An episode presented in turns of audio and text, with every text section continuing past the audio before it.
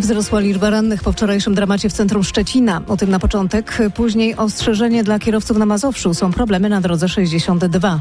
Brytyjski rząd planuje wydać kilkadziesiąt milionów funtów na ochronę parlamentarzystów. A na koniec faktów unikatowy przenośny most szturmowy. Tak był skonstruowany, że mogły po nim przejeżdżać czołgi T-34, T-54. Wzrosła liczba osób, które wymagają pomocy lekarzy w szpitalach po wczorajszych wypadkach w centrum Szczecina. Jak dowiedział się nasz dziennikarz, w nocy przywieziono 20 osobę, która ucierpiała. Przypomnę, 33-letni szczecinianin na placu Rodła rozpędzonym autem wjechał w grupę pieszych, a później uciekając uszkodził samochody osobowe. Został zatrzymany niedługo potem. Noc spędził w policyjnym areszcie. Mężczyzna dzisiaj może zostać przesłuchany przez prokuraturę. Śledczy czekają na wyniki badań toksykologicznych sprawcy wypadku. Jedna osoba została ranna w zderzeniu trzech samochodów osobowych na Krajowej 62 w Popowie Kościelnym na Mazowszu. Jeszcze przez godzinę w miejscu tego wypadku może obowiązywać ruch wahadłowy. Pytamy o fakty. Jaka będzie Rosja po śmierci Nawalnego? Co dalej z wojną w Ukrainie? Już za chwilę w Radiu RMF24 na te i podobne pytania odpowie Anna Maria Dyner z Polskiego Instytutu Spraw Międzynarodowych. Polecam rozmowę Tomasza Weryńskiego. Naszego radia internetowego możecie słuchać, przypomnę, odwiedzając stronę rmf24.pl lub rmfon.pl. Ile pieniędzy zostanie przeznaczonych na ochronę parlamentarzystów w Wielkiej Brytanii? Ponad 30 milionów funtów, czyli równowartość 150 milionów złotych. Rząd w Londynie reaguje w ten sposób na akty fizycznej i słownej agresji wobec deputowanych. W tle tej decyzji jest wojna w gazie. Przed brytyjskim parlamentem można protestować, ale posłowie powinni czuć się bezpiecznie.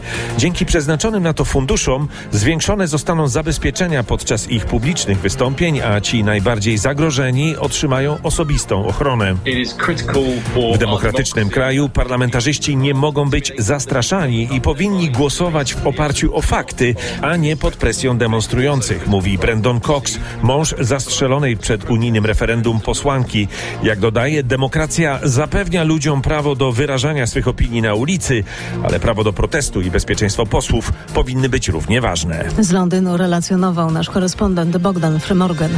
Unikatowy egzemplarz przenośnego mostu szturmowego MH12 trafił do Muzeum Broni Pancernej w Poznaniu. To jedyna taka konstrukcja stworzona przez polskich inżynierów w latach 50. ubiegłego wieku, a most znaleziono w lesie nieopodal Gliwic. Czołg T-34 wpychał ten most na tą przeszkodę, powiedzmy ten rów przeciwpancerny i jeszcze dodatkowo były takie specjalne ramiona, żeby się nie wbić najazdami w przeźwiległą skarpę, to te ramiona wchodziły na skarpę. Po usytuowaniu i umocowaniu go w rowie przeciwpancernym przy nadanej przeszkodzie wodnej, czołg przejeżdżał, przejeżdżała cała kolumna, zresztą tak był skonstruowany, że mogły po nim przejeżdżać czołgi T-34, T-54. Ten akurat nasz y, był przystosowany tu jakby w tym pierwszym etapie do wagi 36 ton. O moście szturmowym opowiadał podpułkownik Tomasz Ogrodniczuk z Muzeum Broni Pancernej w Poznaniu. Konstrukcja przejdzie teraz gruntowną renowację.